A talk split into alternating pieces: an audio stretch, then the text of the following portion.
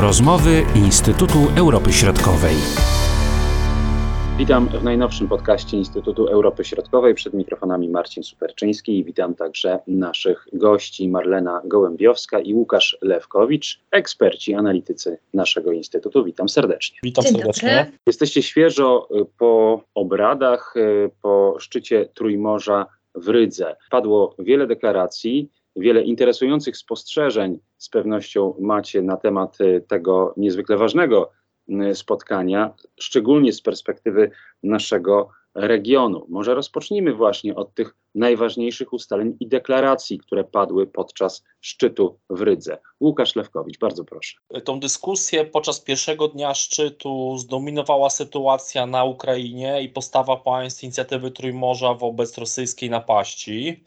Wszystkie państwa zadeklarowały chęć wspierania Ukrainy, jeśli chodzi o nadanie jej oficjalnego statusu kandydata do Unii Europejskiej. Y, Politycy uczestniczący w szczycie mówili o tym, że liczą na to, że w Radzie Europejskiej ta decyzja zapadnie już w najbliższych dniach. Oczywiście tutaj przez dłuższy czas trwała również dyskusja w ostatnich miesiącach, jak ten dialog między inicjatywą Trójmorza a Ukrainą powinien wyglądać. Pamiętajmy, że jest to format y, wewnątrzunijny, natomiast Ukraina wciąż tym członkiem Unii Europejskiej, a nawet kandydatem nie jest. Z tego powodu postanowiono o nadaniu takiego specjalnego statusu dla Ukrainy, partnerstwa uczestniczącego. Ono będzie zarezerwowane nie tylko dla Ukrainy, ale także dla innych państw y, Partnerstwa Wschodniego czy Bałkanów Zachodnich, które będą starały się, czy starają się obecnie o wejście do Unii Europejskiej. W samej deklaracji przyjętej przez y, głowy państw y, pierwszego dnia szczytu y, mówiono m.in. o wsparciu dla tych proeuropejskich aspiracji Gruzji oraz Mołdawii. Y, Andrzej Duda wspominał również, że prezydent Słowenii y, prosił go o wsparcie y, proeuropejskich aspiracji Bośni i Hercegowiny. No więc Ukraina jest jakby pierwszym krajem, który będzie się o to starał, ale również już kolejne chcące wejść do Unii Europejskiej kraje będą robiły to samo. I oczywiście przyszłości, jeśli uda im się te członkostwo w Unii Europejskiej uzyskać, będą prawdopodobnie mogły również stać się członkami inicjatywy Trójmorza. To ma być pewien rodzaj lobbingu na rzecz właśnie wejścia do Unii Europejskiej. Wydaje mi się, że to był ten najważniejszy punkt, jeśli chodzi o te kwestie polityczne. Natomiast pamiętajmy o tym, że rozmawiano również o, czy, czy nawet zapisano e, w deklaracji te kwestie rozszerzania się przedmiotowego, podmiotowego zakresu współpracy trójmorskiej. Tak więc to już nie jest tylko stricte format ekonomiczny, gdzie spotykają się głowy państw, ale mamy coraz większy udział rządów w tych spotkaniach. Mamy kolejne już drugie forum parlamentarne, które odbyło się jakby równolegle do e, szczytu e, w Rydze. Również w maju, czyli kilka tygodni temu, e, zorganizowane zostało pierwsze forum społeczności, społeczeństwa obywatelskiego i zarekomendowano, aby te forum e, społeczeństwa obywatelskiego odbywało się również przy okazji innych szczytów. Rozmawiano również o współpracy pomiędzy izbami handlowymi państw inicjatywy Trójmorza, więc ma być tutaj tworzona sieć e, współpracy. Między innymi zainaugurowano powstanie Izby Handlowej Polsko-Łotewskiej. No, rozmawiano również o tej współpracy naukowej, technologicznej, o inwestowaniu w nowe technologie, o zielonej energetyce. No więc tutaj ten zakres y, przedmiotowy został y, rozszerzony w stosunku do tych pierwotnych założeń inicjatywy Trójmorza. Pamiętajmy, że inicjatywa Trójmorza jakby opiera się na trzech filarach, czyli infrastruktura, energetyka, współpraca cyfrowa. Może skoncentrujmy się na tych y, zagadnieniach ekonomicznych, o których wspominałeś, że to już nie tylko te zagadnienia, można powiedzieć, gospodarcze, ale zakres jest dużo większy, który stopniowo obejmuje coraz bardziej ta inicjatywa. No ale właśnie, jeśli chodzi o gospodarkę, Marlena Gołębiowska. Poważnym wydarzeniem tego szczytu było to, że Fundusz Inwestycyjny Inicjatywy Trójmorza został wsparty, można by powiedzieć, nareszcie e, przez amerykańską Agencję Finansowania Rozwoju DFC kwotą 300 milionów dolarów. E, po pierwsze, właśnie jest to długo oczekiwane realne, wsparcie ze strony Stanów Zjednoczonych dla inicjatywy Trójmorza, ale po drugie jest to bardzo ważny sygnał w kontekście dzisiejszej sytuacji tego regionu, bo y, kiedy myślimy o globalnych inwestorach, y, to oni patrzą na region Europy Środkowej dzisiaj jako region, który jest tak naprawdę sąsiaduje z wojną na Ukrainie, więc to jest region ryzykowny, jeśli chodzi o potencjalne inwestycje. Ten sygnał, który jest wysyłany teraz przez Stany Zjednoczone, że jest to region, w którym jest bezpiecznie, tu warto inwestować wciąż, y, to region, który y, y, daje, oferuje szanse, tak, no bo trzeba pamiętać, że Fundusz Inicjatywy Trójmorza jest funduszem inwestycyjnym, a więc daje szansę na dobre inwestycje, to jest to bardzo ważny sygnał, który płynie ze Stanów Zjednoczonych właśnie do tego regionu z punktu widzenia um, poczucia, że i dania takiego sygnału dla globalnych inwestorów, że warto jest tu inwestować. Stany Zjednoczone dają pewnego rodzaju gwarancję, taką gwarancję z jednej strony bezpieczeństwa no, militarnego ze względu na obecność właśnie wojsk amerykańskich w regionie, no ale także tutaj to większe zaangażowanie y, finansowe i gospodarcze to też o czymś świadczy. Jak najbardziej, no i z punktu widzenia naszego regionu bardzo ważne, żeby tego, takich sygnałów było jak najwięcej, bo rzeczywiście region Europy Środkowej y, przez wiele lat rozwijał się poprzez y, inwestycje, bezpośrednie inwestycje zagraniczne i to przyciąganie kapitału jest dla nas bardzo ważnym motorem wzrostu. No a niestety y, zagrożenie, jakim jest zwiększenie ryzyka inwestowania tutaj ze względu na wojnę na Ukrainie powoduje, że tego typu sygnały są dla nas naprawdę bardzo ważne. Jak zmienia się ta inicjatywa na przestrzeni tych ostatnich lat, powiedzmy miesięcy? Łukasz, wspomniałeś o tej wielopłaszczyznowej o tym wielopłaszczyznowym rozwoju tej właśnie y, inicjatywy. Jakbyś mógł jeszcze to rozwinąć? Oczywiście widać y, na poszczególnych y, szczytach, że ta inicjatywa jakby rozszerza swój zakres funkcjonowania. Pamiętajmy, że takie przełomowe znaczenie miał szczyt w Bukareszcie w 2018 roku. Wtedy podjęto decyzję o powstaniu Funduszu Inwestycyjnego Inicjatywy Trójmorza. Wtedy również po raz pierwszy w szczycie uczestniczyli przedstawiciele właśnie tych partnerów strategicznych czy, czy, czy państw zewnętrznych Niemiec, ale także Komisji Europejskiej. To jest jakby na kolejnych szczytach podtrzymywane. Nawet w tej ostatniej deklaracji e, e, ze szczytu w Rydze mówi się o tych bliskich relacjach z Niemcami oraz o tych bliskich relacjach transatlantyckich ze Stanami Zjednoczonymi, więc to jest podtrzymana chęć rozwoju tychże relacji. Mówi się również bardzo dużo o tym, żeby inicjatywa Trójmorza opierała swoje funkcjonowanie, y, realizację różnego rodzaju strategicznych projektów infrastrukturalnych na bazie funduszy europejskich, na bazie e, funduszu odbudowy obecnie. E, tak więc widać, że podkreśla się te takie dwa podstawowe filary funkcjonowania tego formatu współpracy, czyli Unia Europejska e, i Stany Zjednoczone. Mm, no, oczywiście cały czas trwa również dyskusja, czy ten format powinien pozostać w takiej formie jak teraz, czyli taki niezinstytucjonalizowany, czy na przykład nie powinno się w celu jakby usprawnienia E, działalności Trójmorza, powstania chociażby sekretariatu w jednym z państw e, Trójmorza, stałego sekretariatu oczywiście, czy przyjęcie jakiegoś e, dokumentu w formie statutu, który by regulował funkcjonowanie tej inicjatywy. Te dyskusje trwają już od dłuższego czasu. Na razie nie ma żadnych e, konkretnych decyzji, ale być może w przyszłości e, te kwestie prawda, ustalania pewnych wspólnych rzeczy e, też wobec Unii Europejskiej, czy wobec instytucji europejskiej, czy wobec Stanów Zjednoczonych wymuszą niejako, żeby ta instytucjonalizacja była realizowana. Więc widać, że ten zakres przedmiotowy, podmiotowy się cały czas rozszerza. Mamy coraz więcej płaszczyzn współpracy.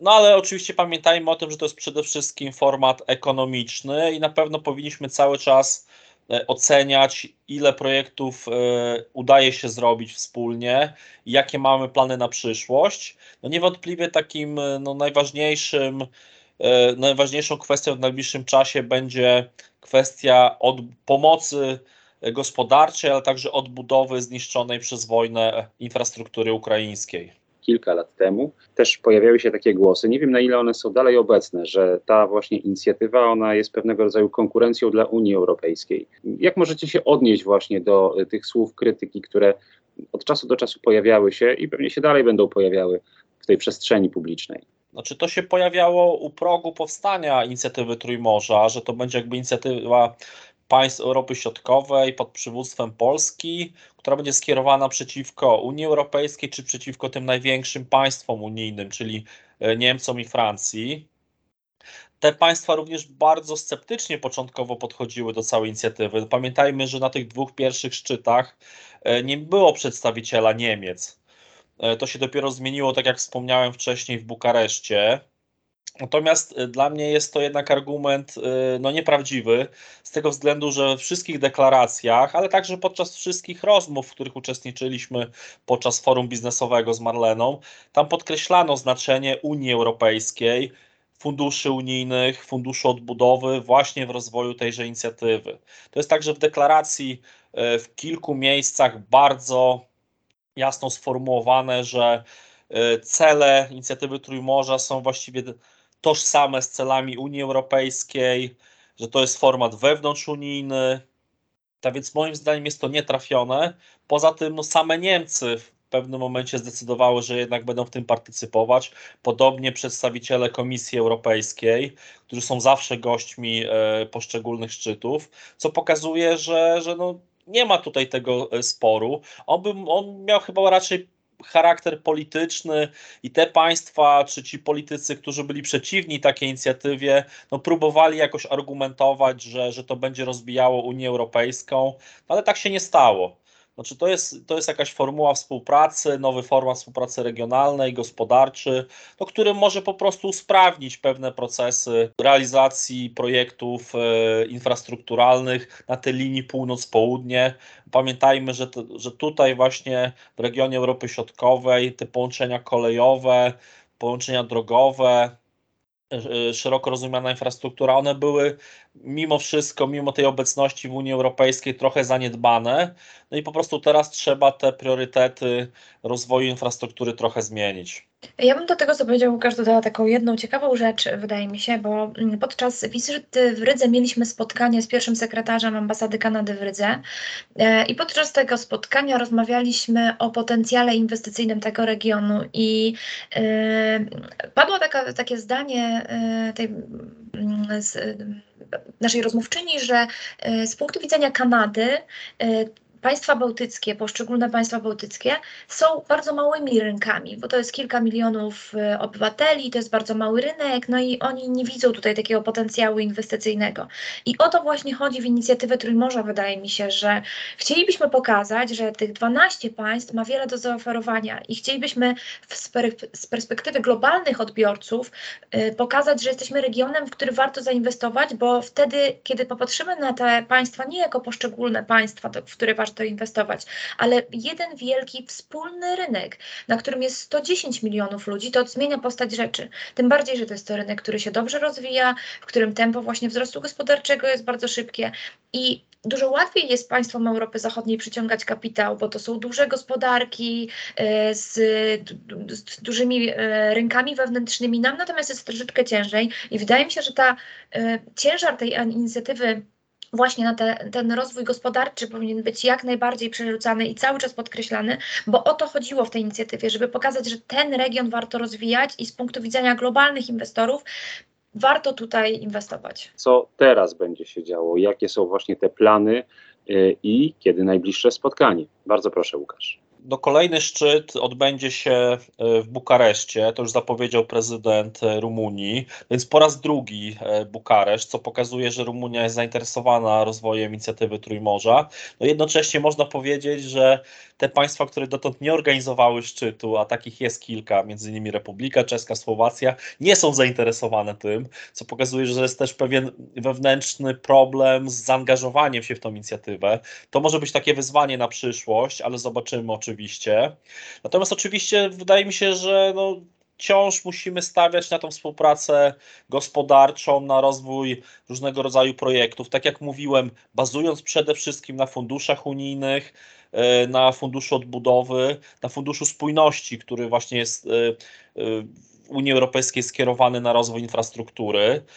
Tu trzeba też zrobić taki co jakiś czas ewaluację tego, co się udało zrobić. Są takie specjalne raporty, które co roku są jakby w ramach inicjatywy Trójmorza ogłaszane czy na bieżąco umieszczane na stronie internetowej, gdzie jest pokazywany stan realizacji poszczególnych projektów.